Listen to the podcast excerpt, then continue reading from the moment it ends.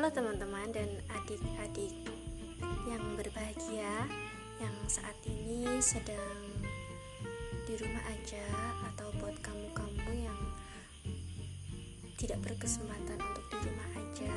Kali ini kami dari kelompok Dongeng Litera akan mencoba tetap terhubung dengan teman-teman melalui podcast yang berisi dongeng-dongeng sederhana. Podcast ini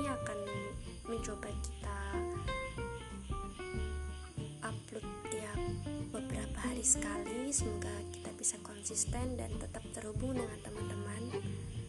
Tetap semangat tetap ceria tetap saling jaga. Sedih nggak apa-apa tapi harus tetap semangat